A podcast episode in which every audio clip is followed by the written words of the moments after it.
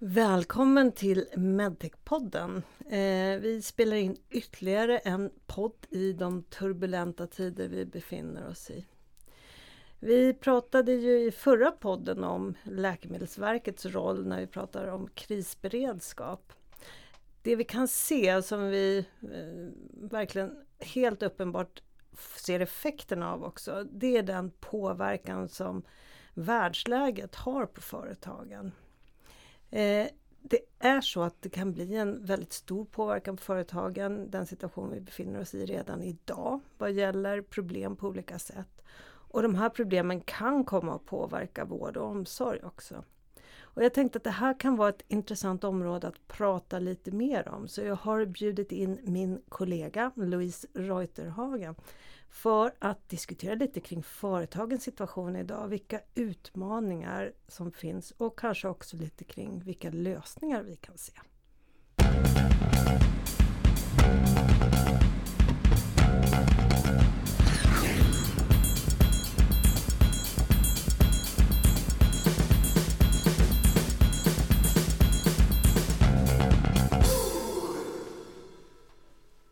Hej Louise!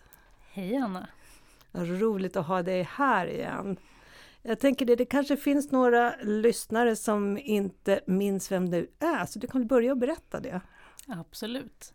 Eh, Louise heter jag alltså och jobbar som ansvarig för området upphandling inom Swedish Medtech och firar, insåg jag, nästa år 10-årsjubileum. Ja, härligt! Ja, vi har varit kollegor i många år. Nu ska vi prata om någonting som vi pratar väldigt mycket om i vardagen nu kan man väl säga. Varje dag i princip så är det här ett, ett huvudämne för oss. Och det är de utmaningar och de problem som våra företag ser. Men jag tänkte att vi skulle börja ta ett steg tillbaka. För att för två och ett halvt år sedan eh, så var vi fortfarande ganska lyckligt ovetande om att vi var på väg in i en pandemi. Men vid nyår 2019-2020 så blev det ju uppenbart. Och eh, det var enormt stora utmaningar som vi mötte. Vad var det som hände då? Ja, till en början så nåddes vi ju av den här informationen av att det fanns ett virus i Kina Eh, och som sen då kom att döpas till coronaviruset. Eh, och ganska snabbt så insåg vi att det här behöver vi ta reda på mer om hur det, eh, dels vad det är för någonting men framförallt hur det kommer påverka våra medlemsföretag. Eh, och i det långa loppet hur det kan komma att påverka svensk vård och omsorg. Eh, så vi började tidigt jobba med den frågan. och vi såg ju väldigt snabbt att ja, med anledning av den, den påverkan som viruset hade på, på människor så var det ju, blev behovet av skydds Utrustning väldigt snabbt. Eh, det steg väldigt mycket. Eh, och där han ju, mäktade ju inte produktionen med att ställa om så pass snabbt utifrån de volymer som, som faktiskt efterfrågades, som behövdes i vården globalt sett. Eh, här var det ju inte bara såklart Sverige som, som såg den effekten. Så att det blev ganska snabbt bristsituationer samtidigt som Kina hade den Eh, nedstängning. Deras han, sätt att hantera eh, viruset var ju att stänga ner stora delar. Vilket såklart hade stor effekt på produktion eh, och också på, på transporter. Och väldigt mycket av de produkter som efterfrågades där inledningsvis eh, producerades i väldigt stor, eh, stor utsträckning i Kina. Eh, så att det blev snabbt eh, bristsituationer som, som företagen försökte hantera på bästa möjliga sätt just för att säkerställa att alla de med behov inom vården faktiskt får de produkter som, som de behövde. Eh, så det var ju mycket skyddsutrustning som var inledningsvis fokuset och sen började vi se samma risk för bristsituationer inom intensivvårdsprodukter.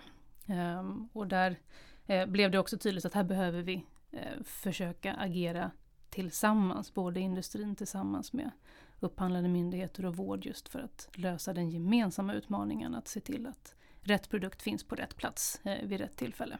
Ja, men om, man, om vi tittar på det här så var det ju en, en väldigt speciell situation och vi fick ju information bland annat om jag vet, något flygplan med produkter som skulle skickas till Sverige och när planet hade lyft i princip så dirigerades det om till en annan slutdestination där det fanns en en kund som var beredd att betala mer för produkterna. Eh, och det innebar ju att vi hade en, en, extrem situation när väldigt, väldigt konkurrens och väldigt lite solidaritet om man säger så. Eh, länder emellan och det mm. såg vi i EU också. Mm. Att man höll på med olika typer av exportrestriktioner för man ville säkerställa att, att det fanns produkter i det egna eh, landet.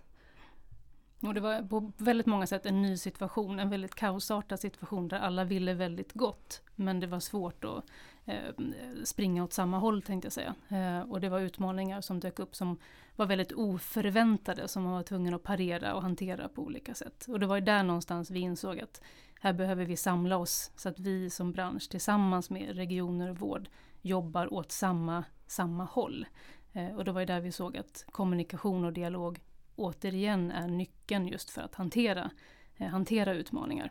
Ja men precis. Mm. För jag menar, vad lärde vi oss egentligen under pandemin? Vad, vad var de viktigaste sakerna som vi tog med oss?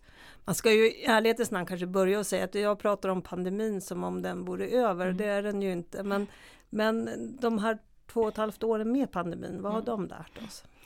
Framförallt just det där med vikten av, eh, och, eller, eh, värdet av kommunikation. Dels för förståelse för varandra men också utifrån att kunna lösa problem tillsammans. Just för att säkerställa att vården får så lite negativ effekt som, eh, eller påverkan som möjligt.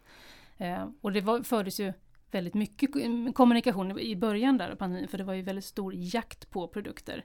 Men den var ju inte strukturerad och den skedde via kanaler som man inte var van vid egentligen, utan man, man sökte Eh, på många olika ställen just för att få tag i produkter. Eh, och där kände vi att vi behöver hitta tillbaka till men det trygga, det som vi alla känner till, kommunikationsmedlen. Sen behöver vi prata om nya saker, men just vi behöver hitta tillbaka till kommunikationsvägar som, som vi är trygga med, så att vi har någon typ av stabil punkt i just det här kaosartade, eh, oföränderliga som, som händer.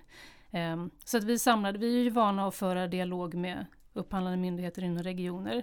Vi brukar i vanliga fall göra det en region i taget. Här kände vi att här behöver vi samla kraft så att vi samlade ju eh, om det var mellan, omkring sju regioner per vecka där vi hade veckovisa möten just för att diskutera utmaningar som föreligger och hur vi med hjälp av kommunikationen kan hitta, hitta vägar framåt. Eh, och vi tog ju gemensamt fram väldigt snabbt faktiskt en, det som vi kallar för en sexstegsprocess just för att eh, möjliggöra leveranser just under den perioden när det var eh, stor efterfrågan och litet utbud. Eh, där nyckeln just i hela, hela processen är kommunikationen eh, avtalsparterna emellan.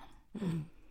Ja precis, för att även, jag vill understryka det igen, för att nu när vi ska prata utmaningar mm. företagen ser idag, pandemin är över. Ja, i Sverige så kan det ju kännas ganska mycket så. Vi har inga restriktioner kvar egentligen. Eh, men det är ju fortfarande naturligtvis ett jättestort internationellt problem och när vi pratar företagens situation så påverkas man i allra högsta grad av eh, pandemin. Och, och, jag tänker kanske framför allt på Kina och Kinas nolltoleranspolitik och vad den innebär eh, utmaningsmässigt för, för företagen. Men vi, om vi då säger att vi ändå lämnade lite känslan av att befinna oss mitt i en pandemi bakom oss. Vi skulle börja gå tillbaks till kontoret mm. och hade ganska mycket förberedelser för att det skulle kännas tryggt och bra att komma tillbaks till kontoret. Och ungefär precis när vi gjorde det, då hände ju det som Ja, det, det fruktansvärda som i alla fall inte jag hade sett framför mig. Det var att Ryssland invaderade Ukraina och det krig som kom i spåret av den här invasionen. Ett krig som vi har levt med nu i flera månader och som vi i dagsläget i alla fall tyvärr inte kan se något slut på. Men kriget har ju också påverkat företagens situation ganska mycket. Mm. Jag tänkte om vi tittar lite på några av de här faktorerna som har påverkat allra mest. Och det första som jag tänker på och som vi får en hel del frågor kring det är ju sanktioner. För att det har ju kommit en hel del sanktioner på området där det handlar om att företag får ju inte ha några kopplingar till eh, ryska eller ehm, belarusiska intressen på olika sätt. Eh, och det finns, alltså det är inte alltid så lätt naturligtvis att veta om ett företag har en koppling till en oligark någonstans i bakgrunden. Och det ställer enormt stora krav på företagen att hantera det här. Men sen finns det ett område som jag bara vill nämna för jag tror att det inte alltid är tydligt och det handlar om det faktum att även fast vi har sanktioner så ska inte medicintekniska bolag och inte heller läkemedelsbolag till exempel, men det är framförallt de här produktområdena, de ska ju inte sluta att leverera eh, produkter till Ryssland och Belarus. För att eh, om företagen slutar att leverera så innebär ju det att väldigt många helt oskyldiga människor i de här länderna kommer att drabbas väldigt hårt. Men sanktionen är i alla fall en utmaning och jag vet att framförallt regionerna många gånger vill få en bättre förståelse kring eh, hur det ser ut för företagen och deras situation. Vilket engagemang har man i krigsområdet eh, och framförallt då med Ryssland och eh, Belarus. Men det var inte bara sanktionerna som har spelat in. Eh, vi har ju någonting som eh, kan kännas lite jobbigt. Vi har Ryssland är en enormt stor producent både på olja och gas. Mm. Hur påverkar det företagen? Jo men det slår ju mycket på just energi, energikostnader eh, och väldigt stor utsträckning i Europa. Så att där är produktionen har ju eh, ökat kostnadsmässigt eh, och vi ser ju även vissa typer av produktionsbegränsningar just med anledning av höga eh, energikostnader. Och lite det här konsekvenserna. För det man lärde sig av pandemin var ju att långa logistik eller leveranskedjor är sårbart. Många företag flyttade sin produktion närmare, det vill säga man flyttade tillbaka till inom EU. Eh, och där har vi nu en extra konsekvens av att eh, mer produktion finns inom EUs gränser med de höga energi, energikostnaderna. Mm. Och pratar vi olja så är det ju också eh, råvaran för plast. Mycket medicintekniska produkter innehåller en hel del plast. Eh, så att de stiger ju också eh, i pris till följd av eh, högre olje, oljepriser. Ja men precis, det här är ju en enorm utmaning och jag vet att vi pratar ju mycket om Tyskland och Tysklands mm. beroende men det är ju inte bara Tyskland. Det är ju Österrike, det är Italien. Det är ju väldigt, väldigt stora konsekvenser. Om, om man ser hur oljepriset har gått upp eh, enormt mm. eh, så, så förstår man ju att det är klart att det måste få konsekvenser för produktionspriserna mm. också. Det är naturligtvis så. Och här är det inte bara den medicintekniska branschen som är drabbad utan här är ju en bred konsekvens för många branscher. Ja precis, väldigt väldigt många. Nej, och, um, olja och gas är viktiga men det är ju andra råmaterial också som kommer ifrån Ryssland eller Belarus. Det är en del metaller framförallt, Eh, ädelgaser och en, en del av det här används eh, av den medicintekniska industrin. Väldigt mycket används ju naturligtvis i förädlad form eh, men men det är ändå så att det inte är oviktigt eh, att se eh, de här olika naturresurserna, att de inte längre självklart kan användas när de kommer. Då måste man ju hitta nya länder som man kan köpa ifrån. Och, och det är någonting som tar lite tid att ställa om de här processerna. Det, det är en enorm utmaning. Och sen finns det ju det är inte direkt ett råmaterial men, men ändå värt att nämna för vi har ju pratat mycket om halvledarbristen. Och halvledarbristen har ju förvärrats enormt av konflikten. Av den enkla anledningen att helt plötsligt nu så ser man att man behöver göra stora satsningar på försvarsindustrin som naturligtvis kräver väldigt mycket halvledare och det innebär att halvledaranvändningen kan man säga styrs om. Eh, och det gör att det blir ännu svårare för medicintekniska bolag att hitta halvledarkomponenter på marknaden. Mm. Eh, och då behöver man inte bara tänka på produkterna som innehåller halvledare utan det handlar ju också om produktionsanläggningar där man har maskiner som om de går sönder kan det vara väldigt svårt att hitta reservdelar för att kunna laga maskinerna och upprätthålla produktionen. Eller om man just planerar för att bygga ut sin, utöka Ja. sin produktionskapacitet. Så. Ja, så det är jättestora utmaningar. Och det här leder ju också till högre priser naturligtvis. Eh, men sen har vi det här området transporter. Du Mm. nämnde ju det med Mm. pandemin, men hur ser det ut idag? Jo, och där eh, har vi ju återigen, vi går tillbaka till, till Kina. Eh, de har ju sin, ja, men som du nämnde, eh, nolltoleranspolitiken. Och, även man, och även om man i den här pandemiomgången eh, har valt, eller har försökt att skydda produktion just så att produktion kan fortgå, eh, om än i mindre team just för att stoppa risken för smitta att komma in, eh, så har det ju varit stora nedstängningar av, av hamnar. Eh, och Shanghai-hamnen är väl den som är den mest omtalade. Eh, så att även om det produceras så kommer det ju inte in eller ut i, i den utsträckning som det skulle behövas. Eh, och jag tror att alla har sett de här eh, satellitbilderna över just hur det ser ut i vattnet utanför Shanghai. Köerna, båtar. Köerna, Ja. myllret av färgglada eh, prickar som är stora fartyg med containrar. Så att hade vi ett, ett logistiksystem i obalans innan så har vi det ju än mer nu för att det, det samlas väldigt mycket där, det kommer inte därifrån. Eh, så att det är ju en typ av eh, brist i, i leveranserna som påverkar såklart hela världen.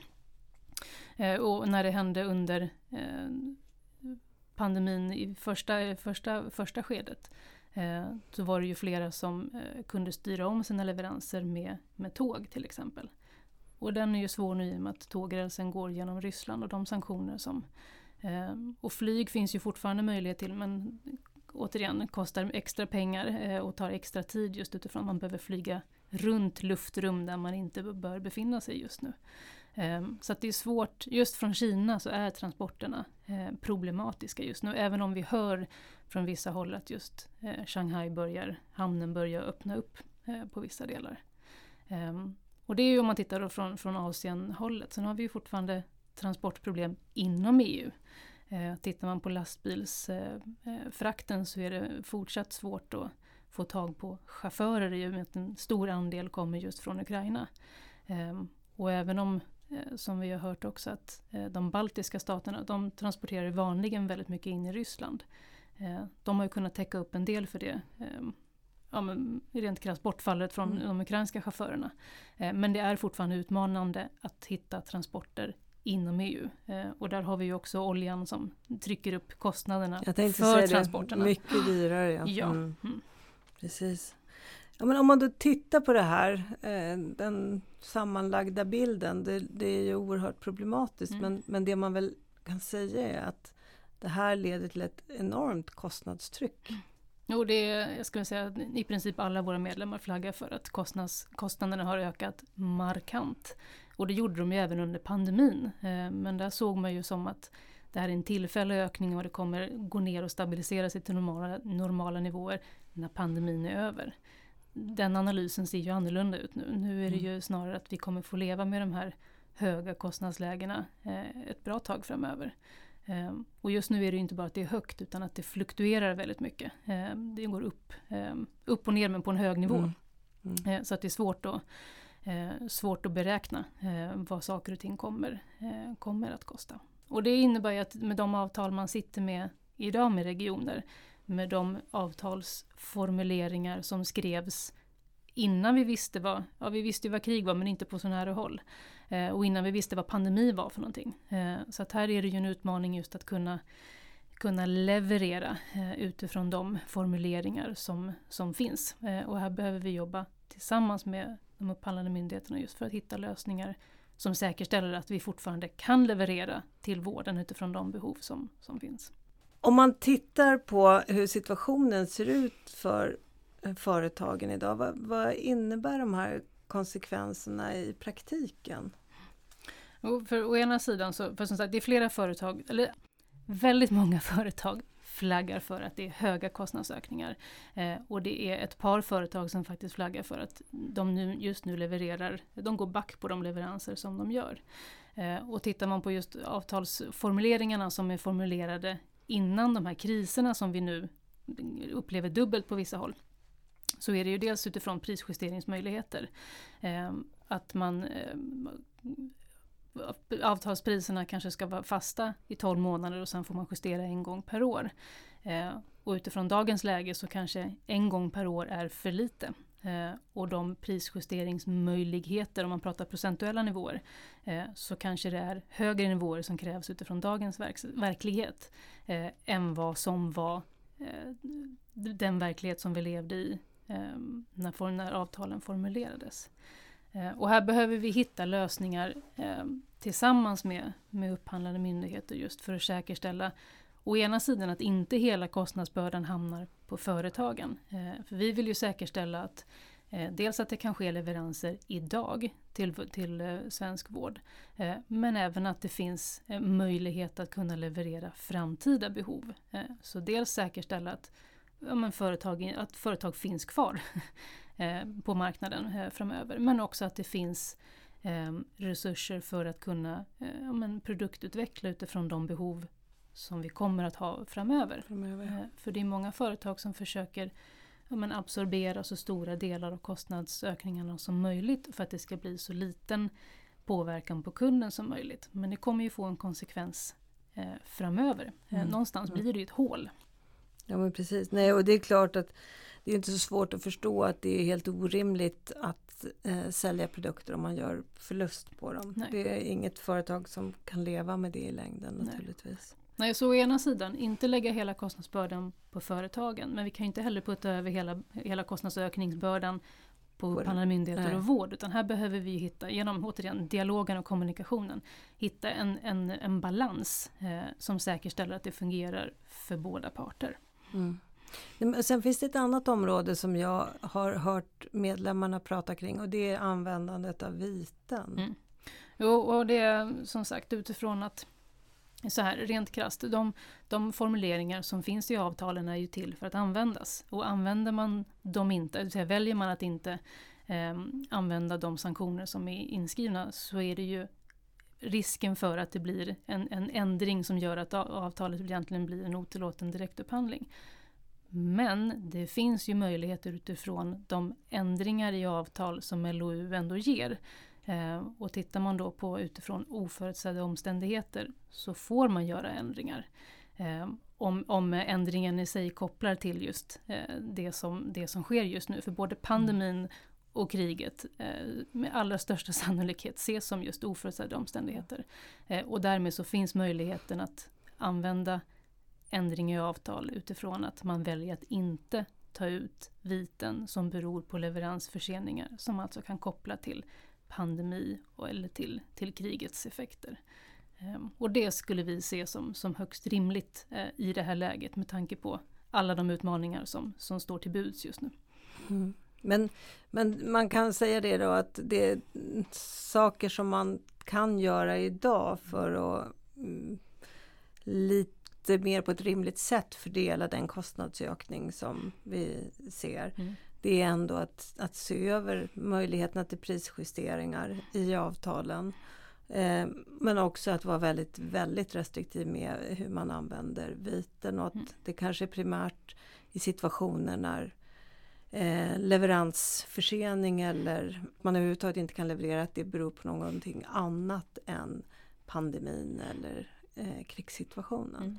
Jo men det handlar ju om utifrån, för visst avtalen är skrivna, de avtal som gäller just nu de har ju sina formuleringar. Eh, men som sagt, det går att hantera. Eh, och tittar man på just de möjligheterna till ändringar i avtal, det behöver ju inte innebära enbart prisjusteringar för att underlätta för, för leveransen. Eh, att inte kräva ut viten är en annan sak, men det skulle ju mm. också kunna vara att man förlänger leveranstiderna eller att man tittar på eh, Oftast finns det ju väldigt höga krav på eh, hur lång hållbarhetstid som ska finnas kvar på produkterna vid leverans. Eh, om man justerar dem lite grann så finns det möjligen tillgång till större volymer av produkter som skulle kunna levereras. Mm. Eh, så att här skulle man kunna vara eh, det finns möjligheter om man, om man återigen om man för dialogen tillsammans just för att hitta det som skulle kunna underlätta för leveransen. Eh, så finns det möjligheter utifrån lagstiftningen. Mm. Ja det är jätte, jätteintressant. Men, men om man tittar framåt då för att eh, som, som vi har sagt så världen har förändrats väldigt mycket och det mm. känns ju som vi har gått in i en lite osäkrare framtid vad som än händer framåt. Eh, hur jobbar vi i Swedish Medtech för att försöka skapa ja, lite bättre mm. förutsättningar för att hantera den här typen av... Mm. Jo, för det jobbet har egentligen två, eh, två faser just nu skulle man kunna säga. Det ena är just utifrån eh, de avtal som gäller nu, utifrån vilka ändringar vi kan, ändringar vi kan göra. Eh, och där har vi ju återigen, vi har tagit till vår vanliga metod som uppenbarligen fungerade sist, just, just kring kommunikation och dialog. Så att vi har eh, bjudit in eh, LFU, det vill säga ledningsnätverket för regionernas upphandling, eh, alla upphandlingschefer inom, inom regionerna. Just för att ha den här diskussionen, hur kan vi hantera nuvarande avtal? Eh, och det är ju här och nu så att säga. Men sen görs det ju väldigt mycket nya upphandlingar. Och där behöver vi ju se till att de avtalsformuleringar är anpassade till den verklighet vi lever i nu och som vi kommer ändå se vara den verklighet vi lever i ett, ett tag framöver. Eh, så att där behöver vi ju se till att eh, av, eller formuleringarna är tillräckligt eh, flexibla för att hantera oföränderligheten som väl är det nya, den nya verkligheten. Vi vet inte vad som kommer hända framöver, men vi vet att vi behöver kunna hantera olika saker. Um, um, och där har vi också, återigen, vi vill jobba med, tillsammans med regionerna, för det är vår gemensamma utmaning att, att lösa. Uh, att, lever, att vården kan få de produkter som de har behov av. Så där har vi ju vi har återstartat kan man säga eh, vårt projekt Säkra leveranser, säker vård. Som vi egentligen drog igång 2019. Eh, som sagt innan vi visste hur extremt viktigt det projektet var. Eh, för redan då så såg vi att det var viktigt just det här med att, menar, att lever leveranserna behöver fungera till vården för att vården ska fungera. Ehm, och det var ju innan varuförsörjningen eh, bytte logistikpartner eh, och det debaclet som blev med Apotekstjänst. Eh, och det var som sagt var innan pandemin. Eh, och projektet pausades just under pandemin för att det fanns, fanns akuta utmaningar då att hantera. Eh, säker leverans och säker vård är ju hur vi nu framöver som sagt ska ställa krav. Eh, och där kom, jobbar vi då tillsammans med, med ett antal företagsrepresentanter eh, och ett antal eh, regioner som är aktiva är med i en arbetsgrupp. Eh, där vi kommer titta då, men på olika eh, formuleringar i avtal, både kring prisjustering, kring force majeure, kring leveranstider, ersättningsprodukter, hur man bäst får tag på sådana. Ehm, eh, och just jobba för den här ökade förståelsen för varandra. För ju mer vi förstår om de utmaningar som den andra parten lever i, desto bättre kan vi hitta lösningar tillsammans. Ehm, för det är väl också en av de saker som, som pandemin verkligen har visat, hur beroende vi är av varandra i hela kedjan. Eh, vi behöver verkligen hitta ett sätt att jobba eh, tillsammans framöver. Mm, ja men absolut. Nej, och vi börjar komma till slutet på vår lilla podd nu men, men det är väl ändå det som på något sätt är det allra viktigaste, just det här med kommunikationen och förstå det att även i väldigt pressade situationer så handlar det om att försöka se till att man uppdaterar sin kund eller från kundernas sida sin leverantör så mycket som möjligt om hur situationen ser ut. För att det ger ju väldigt mycket bättre förutsättningar eh, för att det ska bli bra leveransmöjligheter mm. framåt. Att man åtminstone förstår förutsättningarna för det och att man kan planera för om det ser dystert ut uh, under en period. Eh, men också just det här att att det handlar om att när man tecknar avtal också se till att man har avtal som faktiskt på ett ändamålsenligt sätt styr eh, leverantörerna och leveranserna så att man ska få rätt produkter mm. eh, på rätt sätt. Mm. Eh, och, och, här har vi lite ett, fortfarande ett arbete att göra. Att, mm. Eh, vi har massor av avtalsverktyg som kan användas på ett mycket bättre sätt. Mm. Och det är någonting vi behöver jobba tillsammans. Eh, leverantörer och regioner. Eh. Och det är viktigt att komma ihåg nu att de avtal som tecknas nu, samma typ av ändringsmöjlighet kommer inte finnas där. För kriget och pandemin är ju inte en oförutsedd omständighet just nu. Nej, så det, det, vi går, in, ja, det vi går mm. in i nu, det, det behöver vara anpassat utifrån eh, föränderligheten som sagt var. Ja men precis och också just det att det handlar ju inte bara om att leverantören ska kunna höja priser när det blir dyrare utan det handlar ju också om att i en situation när prisläget sjunker så ska kunderna kunna vara med och också få del av, att, att prisläget har sjunkit på marknaden. Mm. Jo, balansen ska ju vara åt båda mm, håll. Åt bägge hållen, mm. ja. Ja, precis. Ja, eh, jag tycker att det var jätteintressant att prata om det här med dig. Vi kommer att prata vidare väldigt mycket kring de här frågorna. Eh, och om det är någon av våra lyssnare som har funderingar så får ni jättegärna kontakta oss. Eh, och som sagt var, arbetet som sker i det här projektet Säkra leveranser, säker vård, det är väl någonting som är värt att hålla ögonen på framöver. här. Absolut. Stort tack Louise! Tack Anna!